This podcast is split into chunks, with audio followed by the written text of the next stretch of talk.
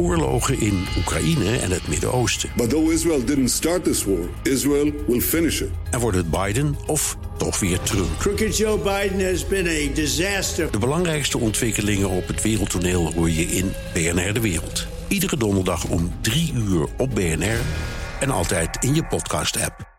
Dit is een podcast van BNR Nieuwsradio. Welkom bij de Technoloog nummer 82, Herbert.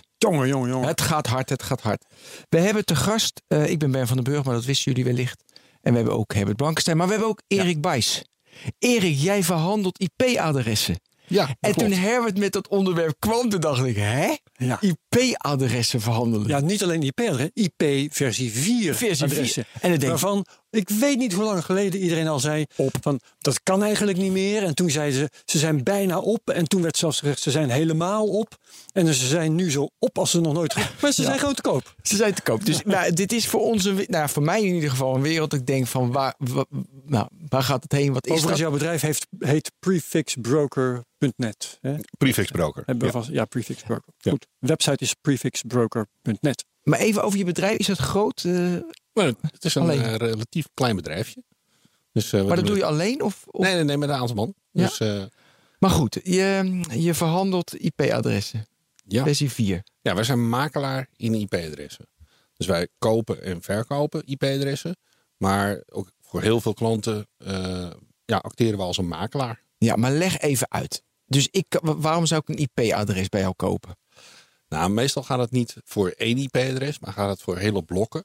En de meeste klanten van ons zijn eh, eh, cloudbedrijven, gamingbedrijven, eh, grote ISP's of kleine ISP's die willen beginnen, maar nu eigenlijk in een situatie komen dat ze in de markt willen komen, maar geen IP-adressen in het verleden gekregen hebben, omdat ze toen nog niet begonnen waren. Ja, en je moet nu nog wel steeds IP4 hebben. Als je geen IP4 hebt, dan kan je in het huidige internet bijna niet echt succesvol starten. Waarom moet bijvoorbeeld, want je, je cloud begrijp ik, internetproviders begrijp ik. Waarom moet een gamingbedrijf IPv4 eh, adressen hebben? Ehm, dat heeft heel veel te maken met het feit dat heel veel gamingbedrijven ook bijvoorbeeld eh, lokale eh, ja, omgevingen neerzet om zo dicht mogelijk bij de spelers te zitten. Oh, en dat heeft weer te maken met eh, vertraging die je kunt hebben, die je juist niet wil hebben. Ja, die latency op het netwerk, Latency, op het internet, die wil je, Lag. zo, die lag, die wil je zo, zo min mogelijk hebben. Dus eh, als zo'n bedrijf bijvoorbeeld in, eh, in China zit, dan willen ze vaak ook in Europa een hub hebben. En vaak in Europa zelfs meerdere. Maar ook in Amerika. Dus dan hebben ze op al die plekken hebben ze ook ja, lokale omgevingen nodig. En dat je op allerlei plekken moet zitten, dat begrijp ik ook. Eh, dat is ook met nou ja, beursbedrijven, financiële bedrijven.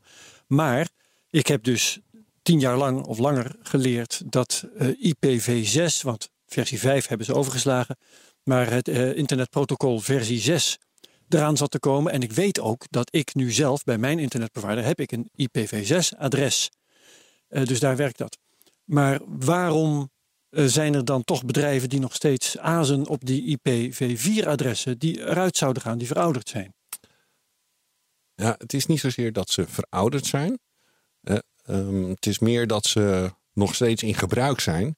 En wil je met anderen communiceren die alleen een V4-adres hebben, dan heb je dus zelf ook een V4-adres nodig. Of er moet een soort van gateway tussen zitten. Een, een soort van translatieomgeving. Want de twee protocollen aan zich, die werken niet met elkaar samen. Het- is echt, we zijn gewoon een nieuw internet aan het bouwen. Oh, dus, oké, dus, dus zes, eh, eh, dus zes, die correspondeert niet met vier. Dus als ik Nee. zes, jeetje, wat Je hebt eigenlijk twee volledig gescheiden internetten. Hè? Dat wil zeggen, ze zijn alleen maar aan elkaar te knopen door wat jij zegt, zo'n zo'n gateway. Ja. Een of ander eh Maar Herbert, ik heb echt de behoefte om even bij het begin te beginnen. Bij het begin. Ja, en, Maar en is het begin iets, prima. nee, maar iets meer bij het begin. Dus, ja, nog meer bij het begin. en nee, we hadden eerst vier, en dat zijn er vier, heb ik opgezocht, 4,3 miljard adressen totaal. Eh, wie gaf dat ook weer uit? Dat was Ayana. Ja, Ayana, die gaf dat uit en dan kreeg je. En er zijn ook dynamische en statische. Kun je dat even uitleggen? Ja, la- la- laat ik heel even terug beginnen.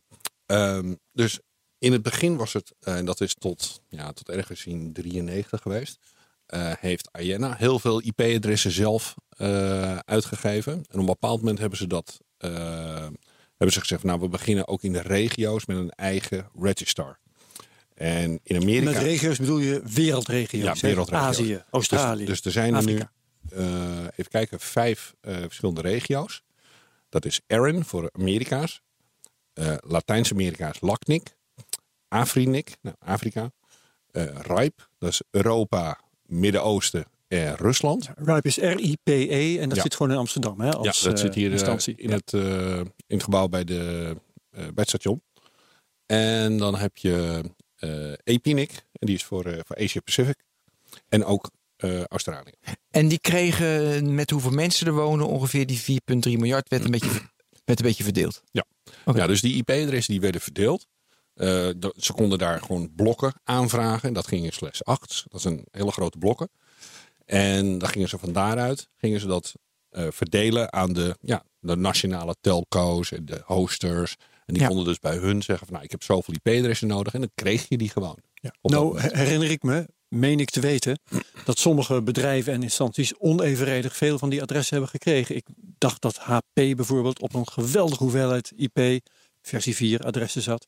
En Stanford en dat soort clubs hebben veel meer dan evenredig aan adressen gekregen. Toch? Ja, maar dat is ook door heel veel overnames geweest. Want EDS bijvoorbeeld, die had een eigen slash 8. En Compaq had een eigen slash 8. Wat is een slash 8? Eh, ja, dat zijn heel veel adressen. Oké, Ehm, en een grote hap. ja, dan moet je echt denken aan een, eh, volgens mij 16 miljoen of zoiets. Mhm.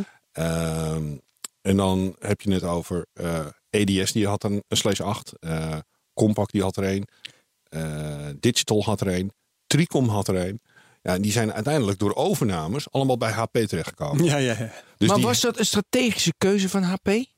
Nee, nee, dat was toeval. Toeval. Maar nu even maar dan nog, tussendoor. Erik, neem maar over, over die eh, 16 miljoen. Ja. Voor één bedrijf 16 miljoen van die, van die adressen. Als we er maar 4,3 miljard hebben, dat is sowieso onevenredig veel. Ja, maar dat komt ook een beetje. eh, eh, toen eh, werden IP-adressen ook nog alleen maar in bepaalde blokgroottes werd dat uitgedeeld. En als jouw bedrijf gewoon meer dan zoveel duizend mensen had, ja, dan kreeg je gewoon een slecht 16. Kreeg je- Ja. Maar even Of- of tussendoor. nog meer. Ja, Erik, maar even tussendoor. We gaan komen straks later. Wat is, een, wat is jouw duurste IP-adres dat je ooit hebt verkocht? V4? Ik denk aan die 16 miljoen keer, weet je, want ik, het is geen strategische waarde voor HP. Maar als jij nu een bedrag van 10.000 euro noemt, dan Ja. denk ik, wow, dan is het wel een strategische Wat voor waarde. kapitaal is dat? Nou, per IP-adres Ja. ehm, hebben we op dit moment, eh, dan moet je dus denken aan eh, waar, waar ligt de marktwaarde op dit moment. Kom maar op. En, en die fluctueert iets minder dan de bitcoin. Eh, maar dat is... eh, dat, 6000 dollar. Nee, dat, dat, eh, qua, qua koersfluctuatie. Oh, oké. Dus Eh, want 6000. Het zijn, het zijn echt Shit. gewoon eh, marktwaardes eh, waar je mee werkt. En dan moet je denken dat dat tussen de eh 14 euro en de 20 US dollar, eh, dat, is, dat is niet raar op dit moment. Voor één IP-adres. Eén adres. Ja. En als je dan hebt bijvoorbeeld over een slash 24, dat is het kleinste routeerbare blok wat op het internet gebeurt. Nou, dat zijn 256 adressen. Mhm. Nou, dan heb je het in dat geval al snel over 4000 euro. Ja. Maar als je het over een slash 16 hebt, Ja. hè, wat dus de meeste grotere providers eh, in blokken van slash 16 kopen, dat zijn 65.000 adressen. Ja, dan tikt 20 US dollar heel snel aan. Dan heb je het over 1,2 miljoen, 1,3 miljoen. Ja. Ja, je hebt heel veel, eh, dus verschillende soorten. Dan moeten we straks denk ik wel een beetje, want nu is slash 8, slash 24 zie ik hier staan, slash 12. Ik Ja, dat zijn allemaal machten van twee. Als ik Ja, mooi. En Ja, een loopback en een link local. Ik vind het allemaal mooi. Die termen moeten straks wel een beetje iets meer inhoud krijgen in wat het is. Maar we mogen ook niet ons pad, want je was over het begin eh, dat HP er heel veel had. En ze werden verdeeld over de, eh, beetje over de geografie van de wereld. Daar waren we. Ja, en daar wou ik nog even van- zeggen, omdat jij aan het Tussendoor. toelichten was. Ja, dat bedrijven in die tijd, eh naar rato van hun aantal medewerkers, nou dan hadden ze zoveel duizend medewerkers, maar dan kregen ze zoveel miljoen adressen. Dat was toch, denk ik, omdat toen gedacht werd, ja, die IP-adressen krijgen we toch nooit op. Dus je kunt ermee smijten. Nou, ja, smijten was het niet helemaal. Maar op een bepaald moment eh, ja, kregen heel veel bedrijven... die kregen gewoon een, een, zo'n zo'n blok van 65.000 adressen kregen ze gewoon. Nou, net zei je Ja. zelfs dat ze eh, blokken En- van en- 16 miljoen konden en- krijgen als het toevallig Ja. zo uitkwam. HP was, was in eh, begin jaren 90 al een heel groot bedrijf. Ja. En eh, als je meer dan zoveel vestigingen had en meer dan dit had... en je kon je gewoon aantonen... dan zeiden ze van nou, ik krijg gewoon een slash 8. En dat was Ja. gewoon omdat het technologisch gewoon zo ingedeeld was. En later pas zijn ze ook de tussenvormen van tussen de 16 en de slash 24 zijn ze ook gaan opdelen. Eh, dus je had, eh, toen, toen kreeg je een zogenaamd classless routing. En toen werd dat ondersteund ook in routers. En toen gingen ze dus ook kleinere blokjes eh, uitdelen. En die kleinere blokjes, ja, dan kan je dus ook gewoon voor een kleine blokje in aanmerking komen. Ja, maar ik denk nu toch wel voor de begrijpelijkheid is het toch wel handig als we die slash 8, slash 10, slash 12, slash 16 zie ik ook nog staan, slash 15 zie ik ook nog, dat we dat een beetje helder maken voor de mensen. Want ik zie hier dingen staan en ik denk van ja, is mooi, maar eh, Ja, het, heeft, het heeft te maken inderdaad met wat Herbert al zei. Een in, eh, het is gewoon in meervouden van 2. dus het gaat van 2 naar 4 naar 8 naar 16. En eh, dus op een bepaald moment eh, kom je dus met 256 IP-adressen. Dat noemen ze een slash 24. Als je dan zegt nou ja, keer 2, dan zit je op 512. Keer 2 zit je op 1024. Keer 2, 2048. eh 4096. eh, En Dus zijn er er dus van die 24 eentje af. sorry? Eh, jij zegt 256 adressen is, noem je sla- slash Ja, dat 24. noemen ze slash 24. Eh, dus dan is 512 is dat dan eh, slash 23. slash 23. Precies. En Dus hoe, 1024 is een slash hoe meer 22. adressen je hebt, steeds twee keer zoveel, gaat er één ja. getalletje af. Ja. Ja, maar dan zie ik ook nog loopback, link local, uh, dan to private network. Daar hebben we natuurlijk wel iets een keer van gehoord. Shared address space, dat, dat, die zie ik ook nog allemaal staan. Ja, er, zijn eh, dus in, in dat hele spectrum van, eh, van IP-adressen. Zo'n IP-adres die bestaat eigenlijk, zo'n IP4-adres bestaat uit vier blokken. En, eh, en die blokken, eh, dat was eigenlijk vroeger was dat de grens waarop dus eh, ja, je netwerk gedefinieerd werd. Dus op het moment dat je de, de eerste drie in gebruik had, en dan kon je dus alleen de laatste, het laatste blok gebruiken om servers of PC's of printers eh, te definiëren. En dat was dan meestal ook is heel, heel gebruikelijk. Dat, dat heette slash 24. Gebruikte je maar twee blokken, dan had je dus twee blokken over om servers te definiëren. En dan kom je dus inderdaad op een slash 16. Nou, dus op die manier kon je dat dus, eh, kon je dat dus opbreken. Ehm, wat eh, juist het, het, hoe, hoe dat helemaal, eh, hoe die adressering in elkaar stijgt, dat is denk ik voor, ja, voor, de, voor de meeste eh, mensen wat minder relevant op dit Voor moment. onze luisteraar zeer relevant. Ja, ja nee, ik, ik, ik denk dat het, dat is hetzelfde als dat, eh, dat je bijvoorbeeld eh, dat, dat een KPN bijvoorbeeld die heeft telefoonnummers en die krijgen ze ook in bepaalde blokken. Ja. En ze hebben dat alleen bij bij Ja. IP-adres hebben ze daar gewoon een bepaalde grootte aan Maar kijk, die telefoonnummers hebben geen betekenis. Of ik nou 3.5 of 3.6 betekent. Maar ik heb het idee, als ik hier naar kijk, dat het wel een betekenis heeft. Sommige, sommige blokken die zijn gereserveerd voor bepaalde toepassingen. En daar wilde ik ook naartoe. En dat zijn juist de blokken waar wij als broker, als, als makelaar, niet in handelen. Want die zijn namelijk eh, die zijn wereldwijd vastge- vastgelegd. Die mag je alleen maar voor dit of voor die toepassing En gebruiken. noem eens even een paar voorbeelden. Ik heb ze hier Nou, staan, is leuk als jij het zegt. bijvoorbeeld, ehm, eh, bijvoorbeeld private use adressen. Hè, dus de 192, 168 range. Nou, die gebruikt iedereen thuis. En dat kan ook omdat iedereen dat thuis gebruikt. En dat hebben we allemaal afgesproken met elkaar. En die, eh, dat staat vast in, in RFC's en in procedures. En die mogen dus ook op het internet niet bestaan. Dus die worden op het internet niet gerouteerd. Maar er wordt dus, je hebt, je hebt zo'n Dat kastje. zijn je eh, hebt nummers, IP-nummers die range. binnen, Ja. binnenshuis, binnen één huishouden achter de router worden gebruikt. Ja. Ja, ja, ja. ja. En dan heb je dus een router. Dat is zo'n zo'n kastje in je, in je meterkast. En die vertaalt dat naar een echt internet. begint geloof ik met 192, 168. Ja. eh, dat soort dingen die heb ik wel eens voor, voorbij zien komen. Toen ik 10.0.0.0 nog mee zat te klooien. of 172, 16. Nou ja, dat zijn heel, heel wat ranges. Ja. Eh, dus er zijn een aantal van dat soort ranges die je daarvoor kan gebruiken. Nou, dat zijn de adressen die je dus niet mag verhandelen. hè, Want die zijn ook van niemand. Die zijn gewoon gedefinieerd. Zijn er van, hebben we met z'n allen afgesproken. Publiek goed. Ja, zoiets. Ja. Oké. ehm, Ja, en dan, maar dan nog, oké, dat is dus publiek. Die mogen niet verhandeld worden. Maar er zijn er ook wel, die je wel verhandeld. In, welke, in welk domein of welke reeks zit je dan? Ja, dus ehm, als we teruggaan naar Ayana. Ja. Die heeft dus IP-adressen eh, in blokken uitgegeven aan bijvoorbeeld Ripe of aan Aaron. En eh, vervolgens doen die regional eh, internet registrants, die, die registries, die geven vervolgens, die, eh, die, die breken die blokken op in kleinere stukjes. En die eh, geven ze, eh, die zetten ze op naam van, van een bedrijf of van een ISP of een hoster. En dan zeggen ze van nou, dit is specifiek voor jou gereserveerd. Dit mag jij adverteren op het internet. Dit zijn jouw IP-adressen. Het eigenlijke wat ze doen is ze geven een right of use. Dus dit is wat jij mag gebruiken. Want als jij je contract stopt met Ripe of met Aaron, dan moet je die IP-adressen ook weer terug. Oké, dus het is eh, ge- nooit een kwestie van echt eigendom, Nee. maar meer huur of iets dergelijks. Ehm, ja, de- de- daarom zeggen wij het is, het is een right of use. Je hebt, Mhm. je hebt het recht om het te gebruiken, want het is aan jou aangewezen. Maar een Access for All, die, die heeft dat. Dus even heel concreet, Ja. precies even een ISP, dan, Ja. dan hebben we. Oké, recht, die hebben een right of use. Maar die, dat verhandel jij nog niet. Ja, ook. Ja, want er zijn namelijk IP-adressen die zijn eh, uit de tijd van Ayana. Ja. En die zijn echt op naam gezet. Dus daar kan ook niemand ooit meer aankomen. Dit, dat is jouw eigendom. Dat, dat, zien, dat wij als brokers zeggen dat. Dan dat noem is je een- wel dat het is een woord asset. eigendom. Ja, Dat bestaat dus wel Ja. bij sommige IP. ja, en dat noemen ze legacy space. Dat zijn, Oké. dat, dat, die, hebben, die hebben een andere klas- klassificatie. En eh, dat zijn IP-adressen die zijn op naam gezet. En dat is gewoon van, van een bedrijf. En wanneer dus HP, daar hadden we al, dat wordt wel op naam gezet. Ja. Maar wanneer word je nou wel op naam gezet en wanneer is het niet op naam gezet? Ja, dat heeft te maken met historie. Wanneer deed je mee in het spelletje? Dus had je dat voor het 94 gedaan, dan heb je waarschijnlijk legacy blokken. Als je er vroeger naam? nog bij was. Als je er vroeger nog bij was.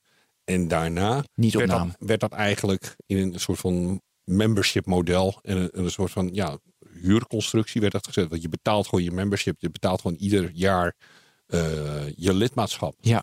En daarvoor kreeg je gewoon IP-adressen en hoeveel. En jij kan dus alleen maar had. die legacy verhandelen. Nee. Ja, nou Die begrijp niet. Ook Nee, die Nee, andere. die legacy is die oude. Ja? Dus die op naam staan. En die krijg je dan binnen. Dus HP die, verhand, die, die verkoopt dan een stukje aan iemand anders. Dat, dat dacht Denk ik. jij? Ah, Denk ik. Ja, je had echt het e-book moeten lezen. Ja, stom. Ja, ik dacht dat ik hem niet had. Stom. Ehm, dus die legacy space die kan Wat, je wat, wat verkopen. Erik bedoelt trouwens, even ingrijpen. Dat is eh, op jullie site van prefixbroker.net. Daar staat een e-book. Ja, en daar staat een hele hoop feitelijkheden over deze materie eh, Ja. in op een rijtje. Is door jou geschreven. Ja, ja, met name over... Gratis te downloaden. Hoe, hoe- Komt in de show notes. met, met name ook hoe de... eh, ja, hoe werken transfers eigenlijk? Dus Ja. het, het overdragen van IP-adressen van de ene partij naar de andere partij. Ja. En we kunnen dus eh, legacy space overdragen.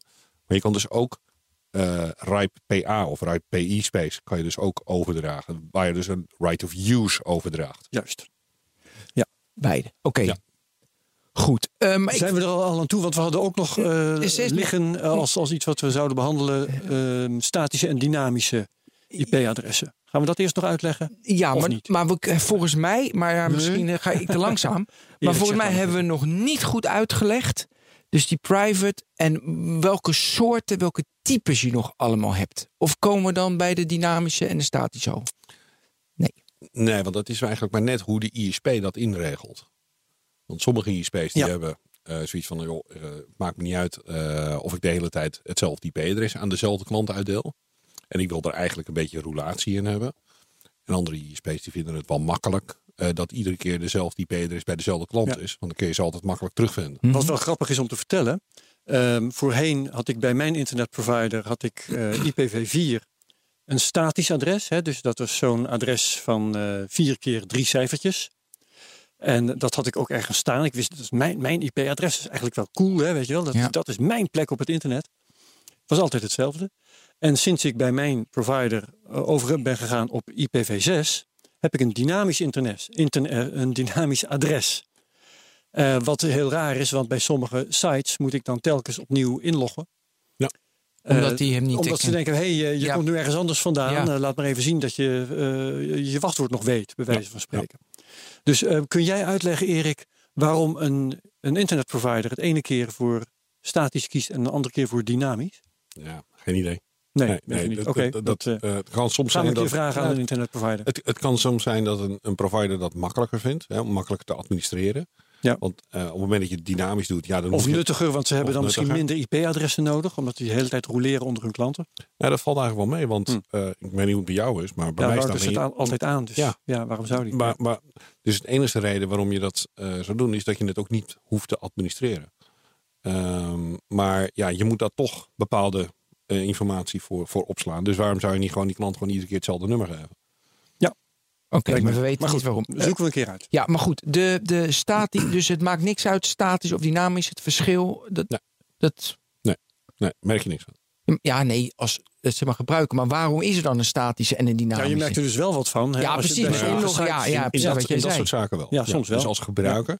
Maar in, in ons vak, eh, wij weten niet van tevoren hoe een IP-adres gebruikt gaat worden. Nee. We kunnen wel vaak zien hoe is het in het verleden misbruikt. Hè, want dat, dat kan je dus wel zien. Maar hoe het in de toekomst gebruikt gaat worden, ja, dat maakt helemaal niet uit.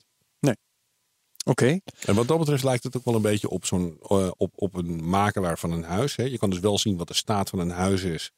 En eh, en dat kan je vergelijken met, het, eh, met, de, met, de, met de status van wat de reputatie was van een IP-adres. Maar hoe dat natuurlijk in de toekomst gaat zijn, ja, dat weet je niet. maar nu hebben we dus de situatie dat er een internet is dat werkt op IP versie 6, internetprotocol versie 6. En een ander deel van het internet werkt op internetprotocol versie 4. Ja. En dat heb je net uitgelegd. Hè. Eh, Het zijn eigenlijk twee gescheiden internetten. En als je als bedrijf beide delen wil bedienen, het moet allemaal met elkaar kunnen communiceren. Dan moet je dus eh, in beide kampen moet je je eigen onroerend goed hebben, zal ik maar zeggen. Dat Ja. zijn die IP-adressen.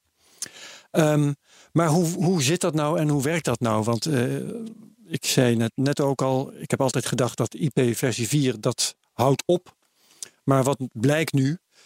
Eh, de schaarste aan IPv4-adressen, ze gaan er niet uit, maar ze worden juist eh, duurder. Er ontstaat een markt in en jij hebt daar een goede boterham aan. Dus is dat nou tijdelijk? Of blijft dat altijd zo? Wordt die, die schaarste aan IPv4-adressen alleen maar groter en krijg je al maar een betere business? Of ben je aan het profiteren van de laatste stuipterkingen van dat oude internet? Nou, ehm, zoals de voorspellingen op dit moment zijn, eh, wij zeggen iedere keer van nou, we denken dat dit nog een jaartje of vier, vijf nog wel duurt. Ja, dat, Ja, dat eh, zegt- zeggen we al tien jaar. Ja, en dat Ja. zeggen we dus nu met ons business ook al een jaar of vijf. Ja. Ehm, en we zien het voorlopig nog niet zo afnemen dat we zoiets hebben van nou, volgende week gaan we de tent sluiten. Want eh, dan is alles verkocht. Ja, maar dan is natuurlijk, wa- waarom is het er dan nog? Als het, weet je, je hebt de, Omdat er nog steeds IP-adressen zijn die ergens bij iemand in een la liggen, die niet gebruikt worden. Ja, en omdat er behoefte aan is. En ja, maar waarom gaat niet de hele wereld over naar V6? Kost geld. Kost geld. Waarom? Eh, omdat je andere apparatuur moet gaan gebruiken. De meeste, eh, je zit gewoon met een aantal jaar met een product cycle. En als je dus eh, bijvoorbeeld eh, vier jaar geleden eh, apparatuur gekocht hebt of software hebt laten schrijven die niet met V6 overweg kan, dan moet je dat dus gaan aanpassen. Ja, maar noem nu eens software gewoon die ik ken, die alleen op eh, versie 4 werkt, waardoor ik versie 4 nodig heb. Nou, er zijn, eh, dat zal, zal je verbazen, maar er, er zijn dus gewoon eh zelfgeschreven softwarepakketten waar dus gewoon keihard een V4-adres ingeprogrammeerd staat. Noem eens een Oh, hard- hardcoded. Ja, gewoon, gewoon, gewoon software binnen bedrijven. ja, En dat, dat, dat kan dus gewoon niet gemigreerd maar waarom? worden. Oh ja, maar het oud, dat snap ik dan nog. Ja, maar nou, dat, dat is dus ook het probleem. Eh, en er zijn ook nog heel veel providers die nog geen V6 aan hun eindgebruikers eh, kunnen leveren. Of willen leveren of leveren überhaupt. En in welke domeinen zie je het meer? eh, bedoel, Is het meer bedrijfssoftware? Want dat noemde je net al. En is, dus wat voor, wat voor soort software? Wa- Waar blijven ze dan mee zitten dat nog V4 is? Eh, Wat ja, kom van- jij tegen? Want jij verhandelt dat. Dus, Nou ja, wij, wij, wij, eh, wij kijken dus voornamelijk naar, naar de hosters. Hè, waar, waar dus, eh, en er zijn dus gewoon klanten bij die hosters. Die zeggen van ja, ik heb gewoon V4 nodig. Ja, en jij hoeft dat eigenlijk niet te weten als makelaar. Je te hebt alleen maar te maken ja, met maar je vindt het toch wel interessant zeker? Jawel, ja. Ja, nou, voor sommige dingen wel. Maar ehm, het is eh, ja, niet altijd te voorspellen eh, wat de achterliggende eh, ja, reden is waarom bepaalde bedrijven gewoon opeens zeggen ja, ik heb V4 nodig. Zijn er bepaalde Er zijn regio's aan? Is bijvoorbeeld in Azië nog meer eh, IPv4 of in eh, Afrika, Latijns-Amerika? Eh, Achtergebleven gebieden? Midden-Oosten wordt, wordt nog heel veel V4 gebruikt. En daar weet ik de reden wel van. Daar wordt nog heel veel met internetcensuur gewerkt. met apparaten die alleen V4 kunnen monitoren. Dus juist de oh, nou V6-adoptie. kijk, nou wordt het spannend. nou wordt de V6-adoptie wordt daar dus tegengehouden. Van overheidswegen. Ja. Die zeggen, dat gaan we niet doen, want dan kunnen we jullie niet meer in de gaten houden. Ja. Kijk, dat is Ja, interessant. dus in, in- en nog andere, ja, ik vind dat mooie dingen. Want, Ja, dat is een goed eh, voorbeeld. Ja, heb je nog meer? V4, want je noemde net eh, Nou ja, in de in Chi- gaming. China is, dat dus, is daar dus ook een, eh, een, Hetzelfde een- verhaal. hetzelfde verhaal. Ja. En er zijn heel veel eh, die daar dus met mobieltjes rondlopen. En er zijn heel veel mensen die daar dus inderdaad met eh, eh, bezig zijn om dus steeds meer mensen online te krijgen. Ja, als, als zometeen al die Chinezen of al die mensen uit India online komen, ja, dan hebben ze gewoon heel veel adressen nodig. En juist dat soort landen zie je dus ook dat er heel veel censuur toe- eh, toegepast wordt. Mhm. En juist die apparatuur die dat doet, die is juist Drijft de net- prijs op. Net niet helemaal V6 compliant. Ja, en dan, dan heb je dus een andere uitdaging. Daar zijn ze wel heel druk mee bezig. Eh, en er komen nu ook eh, platformen die dus die conversie gaan doen. Hè, dus die eh, een soort van translatie tussen V4 en V6. Zodat ze minder van V4 afhankelijk zijn. Maar ze zullen voorlopig altijd nog een stuk V4 moeten blijven draaien. Ben jij de enige, die vast niet, die eh, in, in IP-adressen handelt? Nee, we zijn niet de enigste. Ja. Ik heb wel de meeste transfer policies geschreven in de Rijpregio. Wat zijn transfer policy? Ja, ehm, alle, eh, dus in de Rijpregio heb je dus een, een soort van community van, van ISP's en hosters en en mensen. de die RIPE-regio, dat is eh, dat hier, is- zal ik maar even heel ja, dat is eh. Europa, Rusland en het Midden-Oosten. Ja. Dat is de hele regio. En we hebben met z'n allen afgesproken dat we eh, gezamenlijk bepalen wat de procedures moeten zijn waar we ons aan gaan houden. Eh, dat wordt op basis van consensus wordt dat besloten. En eh, dan moet dus iemand op een bepaald moment zeggen van nou, eh, we willen dit gaan aanpassen, want het heeft deze en deze eh, toepassingen. En wij hebben ervoor gekozen om juist die markt helemaal open te gooien. eh, om ervoor te zorgen dat de registratie van de adressen normaal gedaan kan worden. Omdat namelijk op het moment dat je schaarste gaat krijgen en je regelt de registratie niet officieel, dan gaat er dus onder tafel heel veel gebeuren. En dan heb je er Ja. geen zicht meer op. En daarmee eh, is de eh, betrouwbaarheid van de whois-gegevens. Van wie, van wie is nou eigenlijk dit IP-adres? Hoe is dat? is ook zo'n dat is administratie. Ja, dat, dat, Een- een dus je kan, bij, je kan het dus op, opzoeken op het internet van wie is dit IP-adres. Hè, welke ISP, welk bedrijf Ja, wordt daarbij. dus hoe is punt net, is bijvoorbeeld. Ja. En dan kan je dus zien eh, aan wie bepaalde IP-adressen zijn toegekend. Op het moment dat je dat niet transparant zou registreren van wie eh, naar wie bepaalde eh, IP-adressen verhuisd zijn of verkocht zijn, dan klopt die hele registratie niet meer. En dan eh stel de politie zou zeggen van nou, we hebben iets gezien vanaf dat IP-adres. En ze gaan bijvoorbeeld bij een partij in Nederland gaan ze vragen van joh, wat, wat gebeurt er? Wat ben je aan het uitspoken? Zeg je, ja, die heb ik verkocht aan een partij in Rusland. Dat is helemaal mijn probleem niet meer. ja, maar dat gebeurt dus Ja. anders. Maar jij hebt dus ehm, beleidsstukken geschreven die formuleren hoe je dat allemaal netjes kunt regelen. Ja. Ja, dat is een, een, lijkt me een redelijk een belangrijke bijdrage aan hoe internet in elkaar zit. Ja, maar het, voordeel daarvan is dat ik dus precies wist hoe de procedures werkten. Ja. Want ik had ze zelf geschreven voor een groot gedeelte. En, en wordt dat zomaar geaccepteerd? Je, je schrijft een procedure. Ja. Dus, dus ik zou het wel mooi vinden als we het zo gingen regelen. Maar eh, wie, eh, wie, wie We besluit hebben ze ook overgenomen. Want je kan wel we- een procedure beschrijven, Ja. maar dan denken ze, Ja, nou dat- leuk we gaan allemaal doen wat die Ja, Erik Wijs heeft, heeft Ja, gezegd. daar zijn dus wel, eh, je hebt, je hebt, eh, binnen de Ripe Community zijn er een aantal working groups. En die houden zich bijvoorbeeld bezig met address policy, of met V6, of met routing, of met DNS. Hè? Eh, en eh, iedere working group heeft dus zo zijn eigen specifieke eh, doelgroep. Ja. En eh, binnen zo'n eh, werkgroep eh, bespreek je dus dat, dat, dat voorstel. En dan moet daarover, wordt daarover gediscussieerd. Dan gaat vervolgens gaat RIPE zelf nog kijken van joh, wat voor impact heeft het nou? Ook voor onze administratieve processen, onze operationele processen. Hoe werkt zo'n heel proces? En dan kan nog, eh, dus aan, aan de hand van die analyse, eh, die impact analysis, kunnen ze dan vervolgens gaan ze weer terug naar de community. En die gaan daar weer over discussiëren. En op het moment dat ze dan zeggen van nou, we zijn er eigenlijk wel uit. Hè? Alle punten en comma's en schrijffouten en dat soort dingen zijn eruit. En dit is eigenlijk hoe de community, eh, die, die is er eigenlijk wel mee eens. Of je hebt een situatie dat de community zegt van ja, maar dit gaat echt niet gebeuren. Ja. Nou, en dus er uit- wordt, het is, het dus- een de- dus daar- democratisch proces. Dat, het is een heel democratisch proces. Ja. Want ik zat te En- denken, het is op zich best wel vreemd dat, nu ga ik even een, een krasse vergelijking maken, dat een tweedehands autohandelaar eh, Tuurlijk. de eh, regels gaan, gaat schrijven waaraan de eh, handel in tweedehands auto's moet voldoen.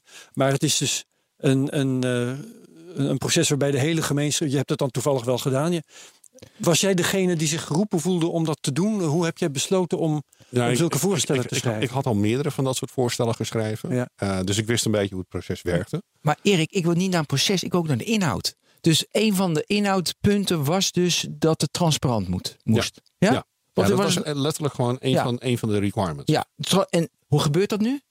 Eh, heel transparant, want Rai... Nee, Ja, maar, nee, maar, dus het- als jij in wordt- Midden-Oosten iemand, eh, dan weet je precies van ja, die is naar het Midden-Oosten, die zit bij, bij Iran, zit die ergens bij de overheid. Dat IP-adres, dus dat is.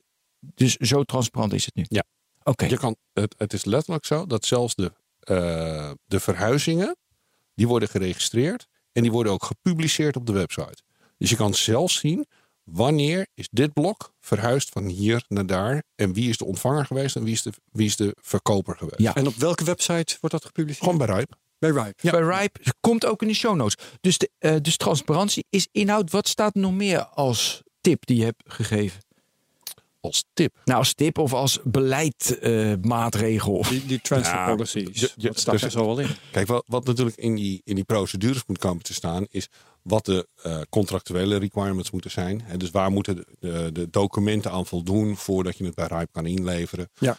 Ehm, er moet in komen te staan van joh, deze, ehm, eh, deze partij eh, die mag het binnen zoveel maanden niet eh, opkopen en verkopen.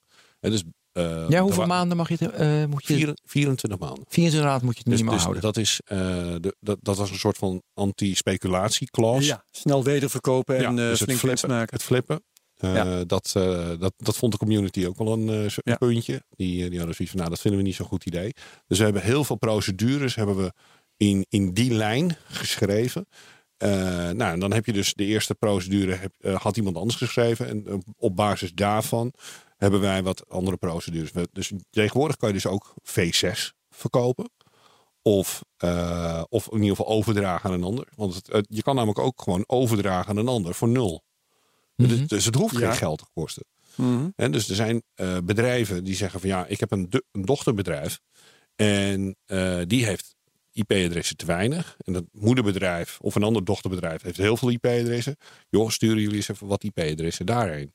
Dus dat kan ook. Dus het hoeft Ja. niet altijd om geld te gaan. Ja, ja. En we moeten ook onderscheid maken trouwens tussen die transfer policies. Hè. Dat zijn formalismen, dat zijn eh, protocollen Ja. die aangeven hoe die handel moet werken, waar het aan moet voldoen. En dat e-book waar we het net over hadden, wat een soort eh, adviezen zijn van jou aan mensen die eventueel IP-adressen willen kopen of verkopen.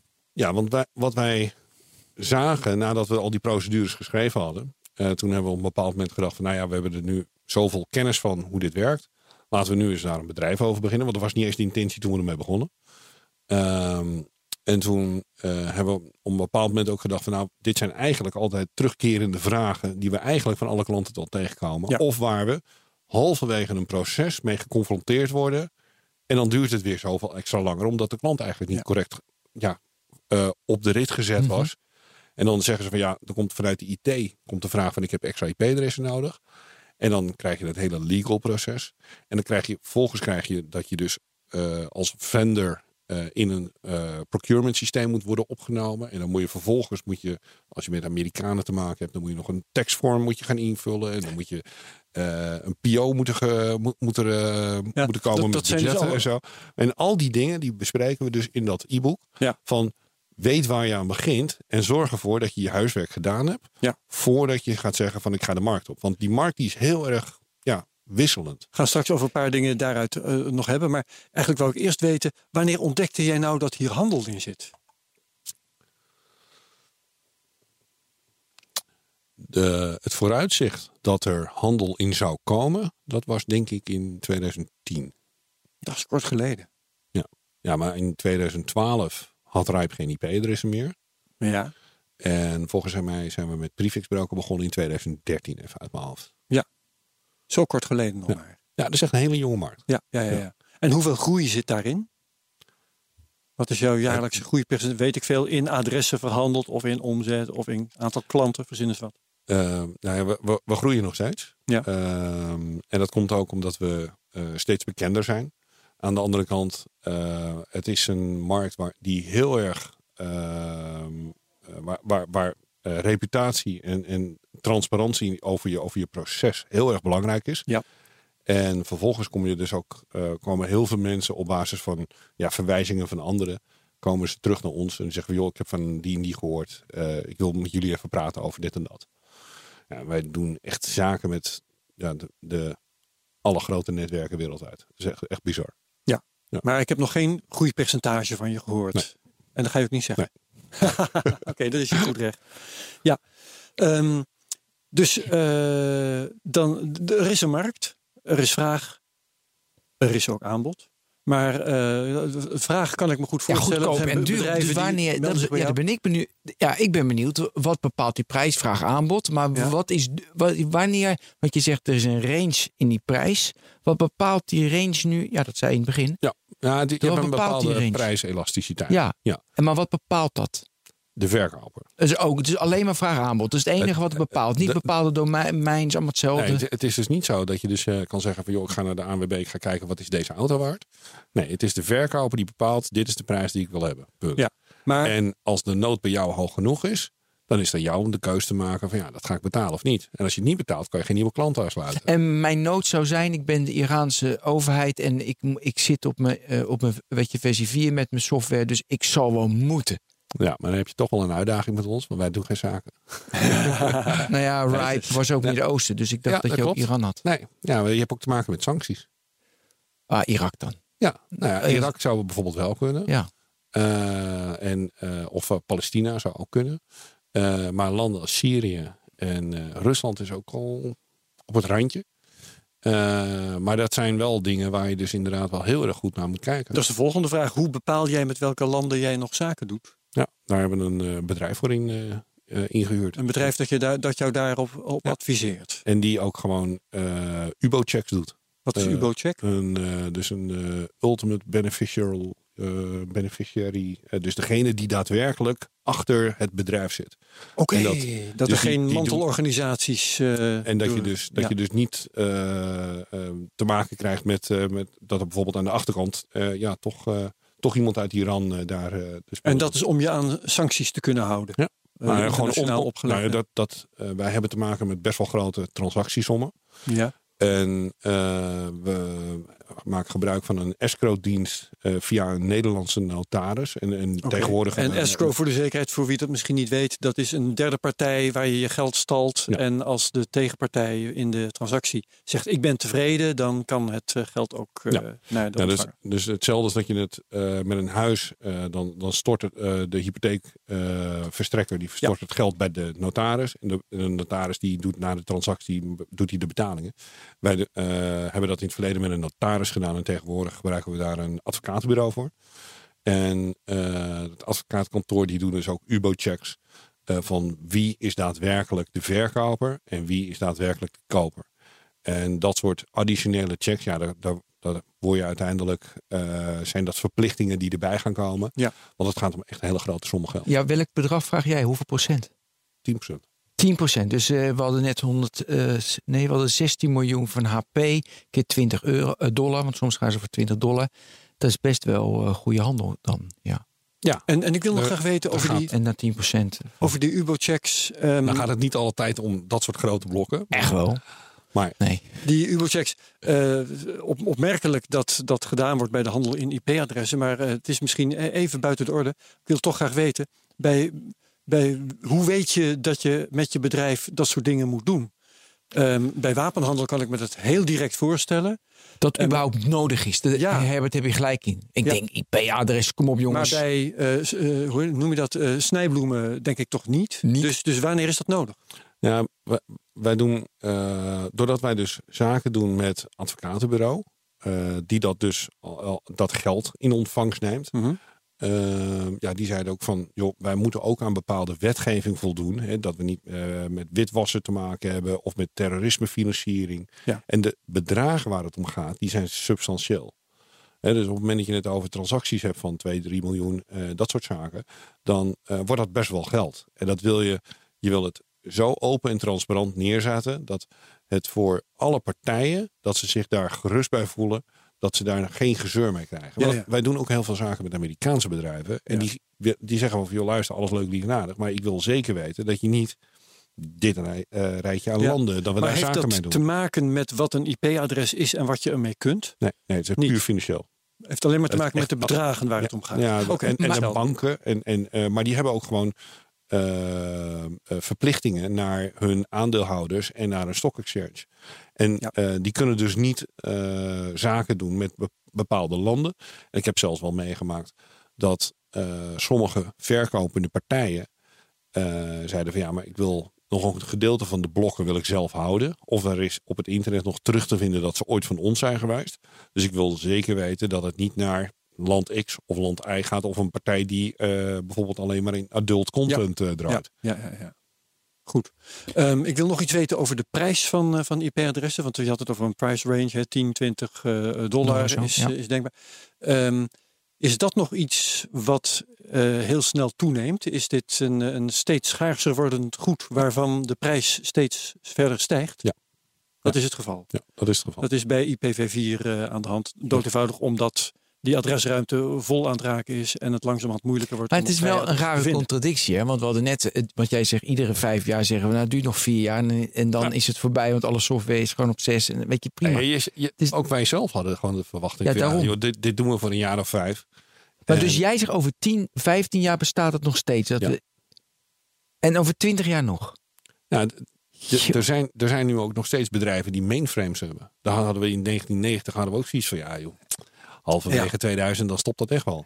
Maar er zijn nog echt legio bank, eh, banken die gewoon alles nog op mainframes doen. Software in COBOL. Ja, ja, dat soort dingen. Weet je? Ja. Dus, en eh, als je nu ook ziet, er zijn bepaalde technologische ontwikkelingen die dus inderdaad het makkelijker maken zometeen om te over te stappen van V4 naar V6. Ja hoe, ja, hoe ziet dat eruit? Want dat vertelde je Ja, net. dus, maar- dus wat er zo meteen gaat gebeuren is dat je dus eh, voor sommige partijen ga je dus, eh, die gaan dus zo meteen alleen nog maar V6 aanbieden.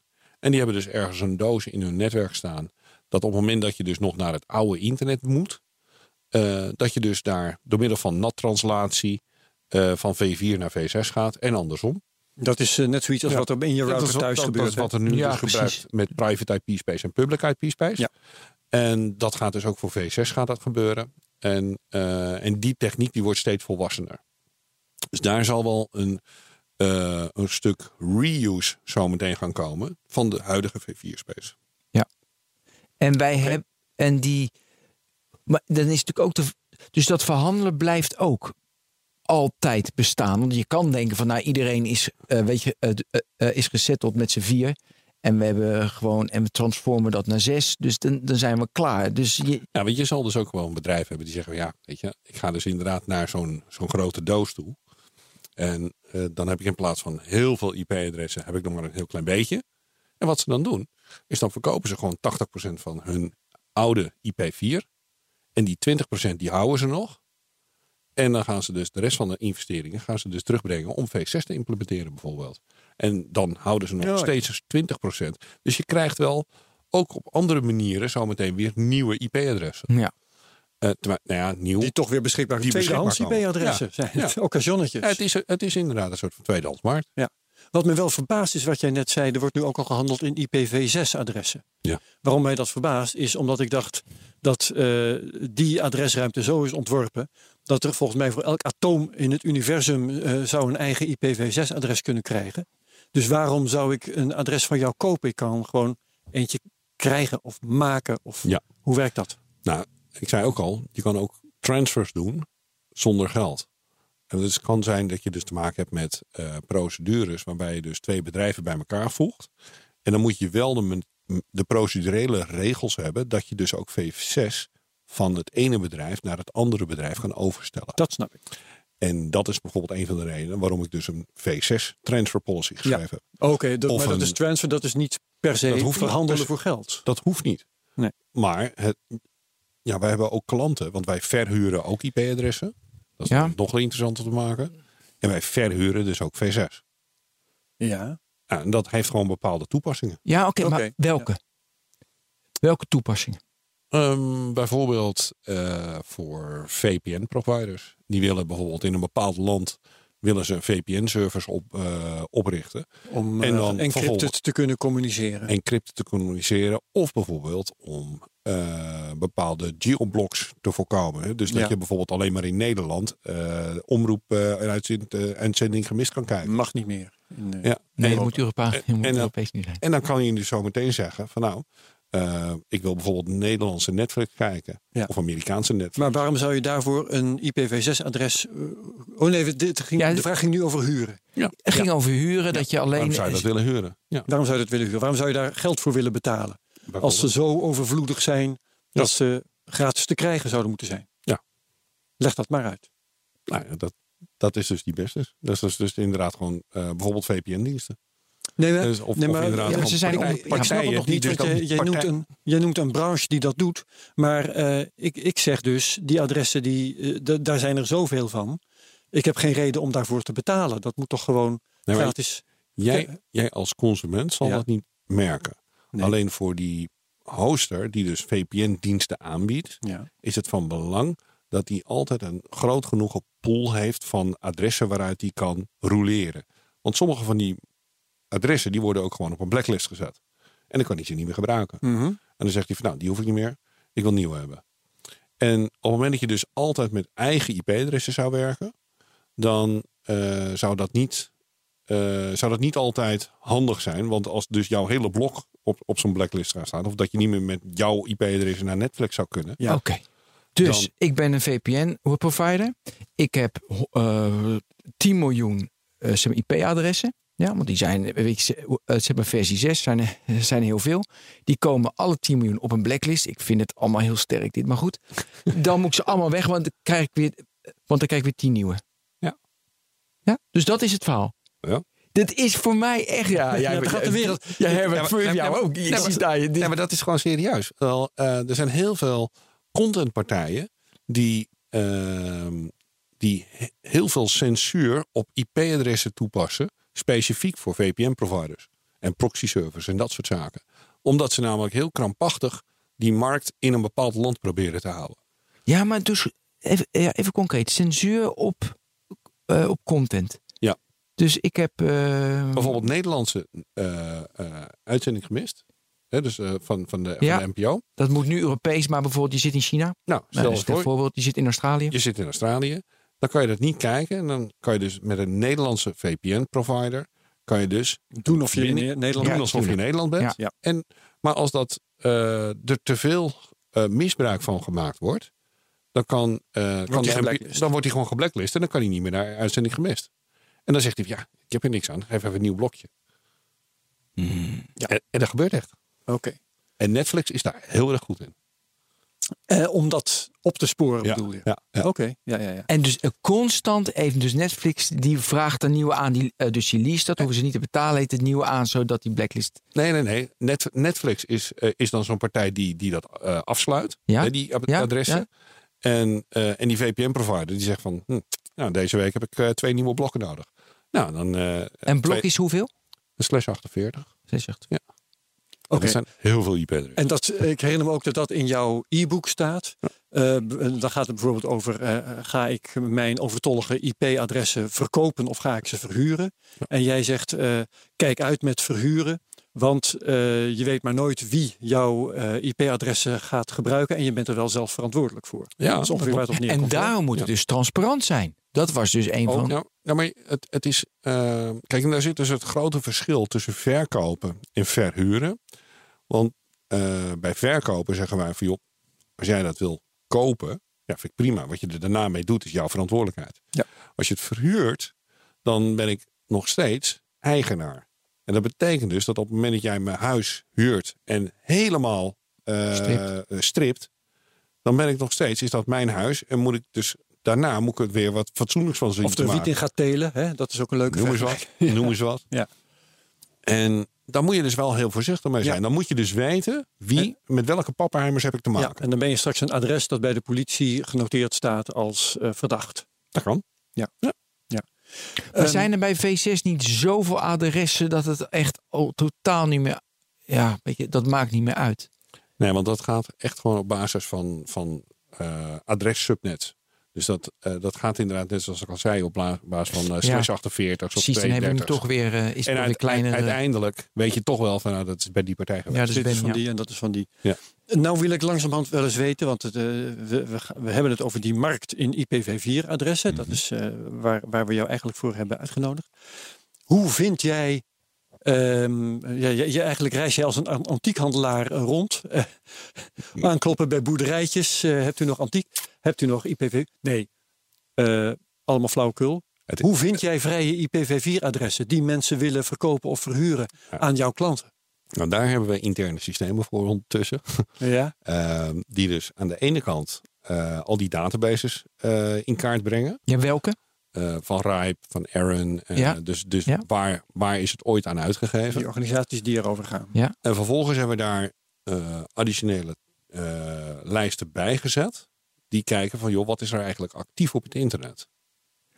En dat zie je dus in BGP terugkomen. Dat, eh, dat het protocol tussen ISP's die adverteren, deze IP's zijn voor mij. En dan zie je dus van, hé, hey, deze IP's die zijn helemaal niet geadverteerd. Die worden helemaal niet gebruikt dus blijkbaar. Of worden wel gebruikt, maar niet op het internet. Wel gebruikt, maar niet op het internet. Dat kan ook. Waar dan wel?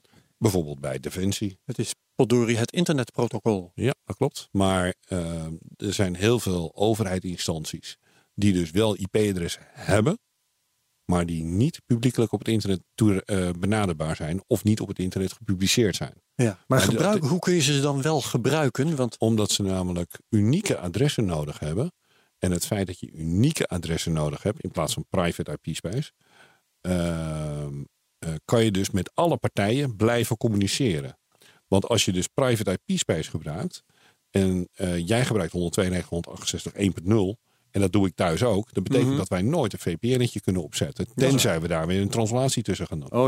Dus ja, op het moment dat ik unieke IP-adressen bij mij thuis gebruik, kan ik zowel met jou communiceren als met jou En communiceren. dan heb je dus een incentive om eh, zo'n IP, uniek IP-adres te gebruiken, maar niet op het internet, bijvoorbeeld. op Ja. een geïsoleerde plek daarvan. Ja. Ja. Jee, echt hoor. Ik heb de, de ene AH Ja, dit is een, een wereld gaat voor ons Ja, open. ja. Dus, maar ik, ik moet heel vaak even weer voor mezelf, dat ik, of ik het snap. Ja. Eh, dus je kijkt bij Ripe en noem ze allemaal die vijf. Ja, daar hebben wat we is dus, ooit is uitgegeven. ja, En dan, eh, is het niet in real time, eh, dus we- en dan weet je van welke nog niet, welke niet worden gebruikt. Sommige bij Defensie, dus dat zit bij Defensie. En dan heb je dus een hele blok van, hé, hey, daar moet iets zitten. Bijvoorbeeld bij HP, om daarop terug te komen. Of bij iemand anders. want de vraag en dan is- benader je ze actief. Ja, wie zijn de partijen die dan hun IP-adressen aan jou gaan verpatsen? nou ja, soms dan weten bedrijven het niet eens dat ze het hebben. Dat is nog veel leuker. Ja. Geef eens Eh, een voorbeeld van een bedrijf die het niet wist en ineens nog aan assets een 100 miljoen op de plank hadden liggen. Want ze hadden eh, heel veel. Ja, eh, ja, moet stel rekening gedeeld door 20 dollar.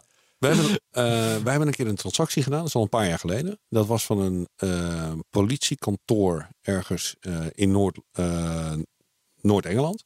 Dit wordt echt hoe langer hoe gekker. En Maar die, die hadden dus letterlijk een IT-manager gehad ergens in 92.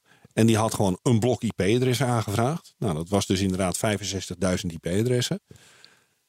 En ruim 25 jaar later, eh, dus eh, volgens mij in 2014 of zo, toen eh, heeft iemand hun benaderd. Ja. Zoveel, eh, wij zien in de registraties Doe van, je er nog van wat mee? toen dat dat eh, van, op jullie naam staat.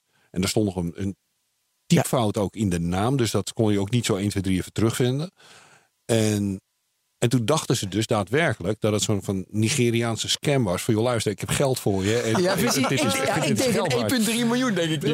Ja, En- ja, en- ik en- denk en- 1,3 miljoen gaat en- die, en, die, en die hadden zoiets van, ja maar, ja, maar u, u belt met de politie, hè? Eh, dus. En die hebben gewoon de eerste keer hebben ze gewoon de, de, de horen door Moet je niet gewoon een oud dametje bellen? Ja, zo. En, en toen zeiden ze, nee, maar dit is gewoon serieus wel. We hebben gewoon een advocaat en die gaat u gewoon bellen en die uitleggen dat, dat dit wij hebben gezien. U heeft een asset en dat is geld waard tegenwoordig. U wordt het, u- dat wordt niet gebruikt. Nou, en toen he- is dus dat hele traject hebben ze dus ingezet. En toen hadden ze zoiets van, ja, ja, we zijn de politie wel, wat moet met 6, 7 ton. En toen hebben ze dat eh, in het budget van de, eh, van de lokale politie hebben ze dat gebruikt om daadwerkelijk het, eh, het pand van de pensionado's op te knappen. Want er was al vijf jaar geen budget ja, voor. mooi. Wat extra En toen hebben ze dat dus gebruikt Leuk. om dus eh, de gepensioneerde politieagenten in die stad dat hele pand op te knappen, iedereen van een iPadje te kunnen voorzien Ja. en dat soort dingen. En dat, dat zijn wel de leuke verhalen gewoon. Ja, dus luisteraars, eh, ga eens op zolder kijken of ja. daar nog oude IP-adressen Ja, want als je daar weer 10% van krijgt, heb je toch weer 70.000 eh, eh, eh, ja, dollar. Nou, die 10% krijgt hij. Ja, maar dat je zelf. Oh nee, maar als jij dat allemaal regelt. Jij, ik, Ja, nee, maar, ja, nee, dan ja. moet je weer. Je hebt iets gedaan. Dan krijg je ook weer 10%. Hij krijgt 10% en pff, iedereen krijgt 10%. Behalve wij hebben het.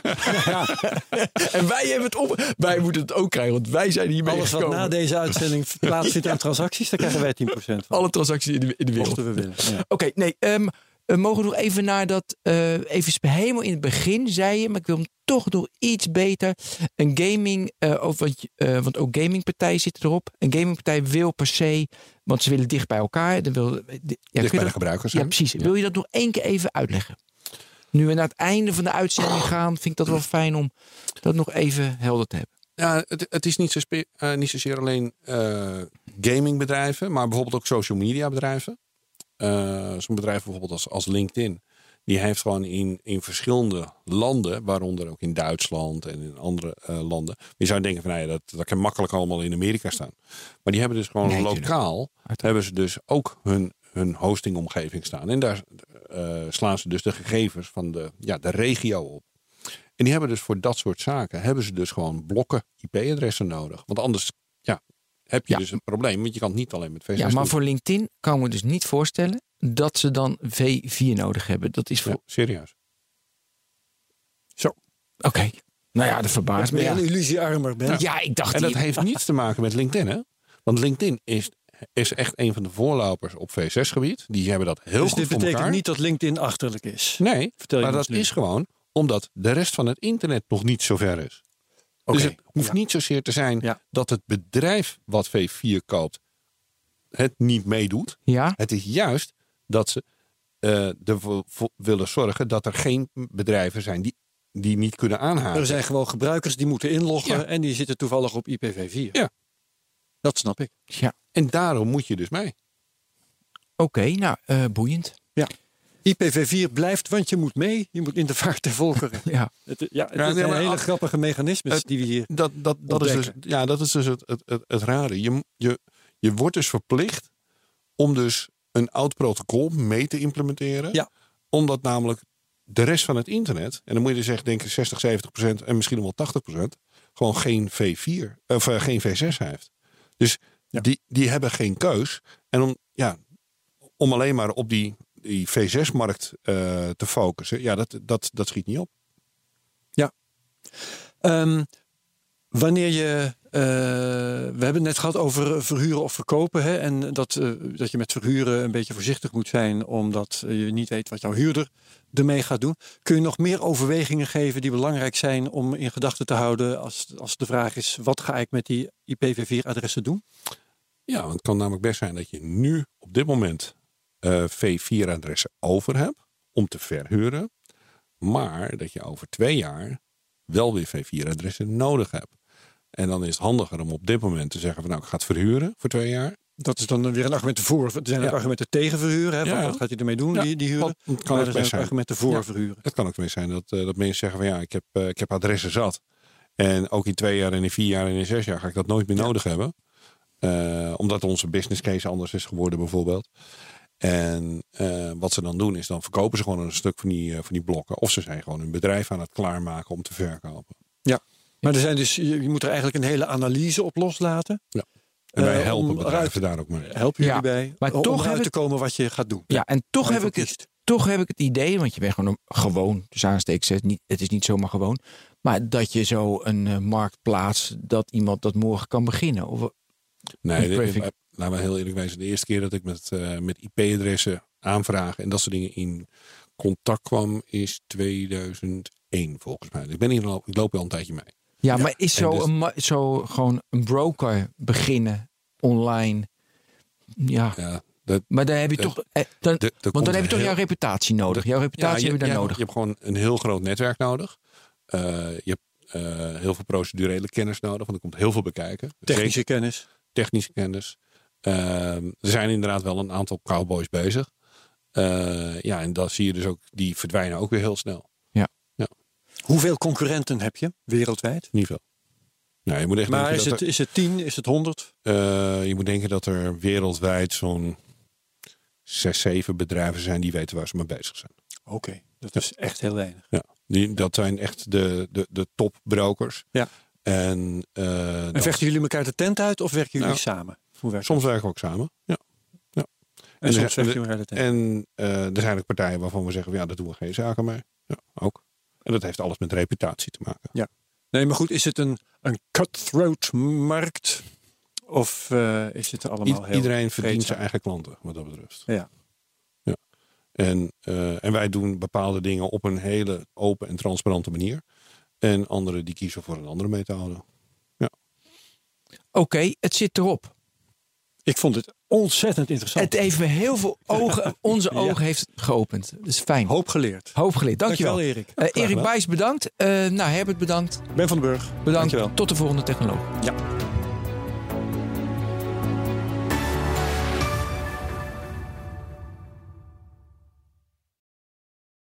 Ook Bas van Werven vind je in de BNR-app. Ja, je kunt live naar mij en Iwan luisteren tijdens de ochtendspits. Je krijgt een melding van Breaking News. En niet alleen onze podcast Ochtendnieuws, maar alle BNR-podcasts vind je in de app. Download nu de gratis BNR-app en blijf scherp.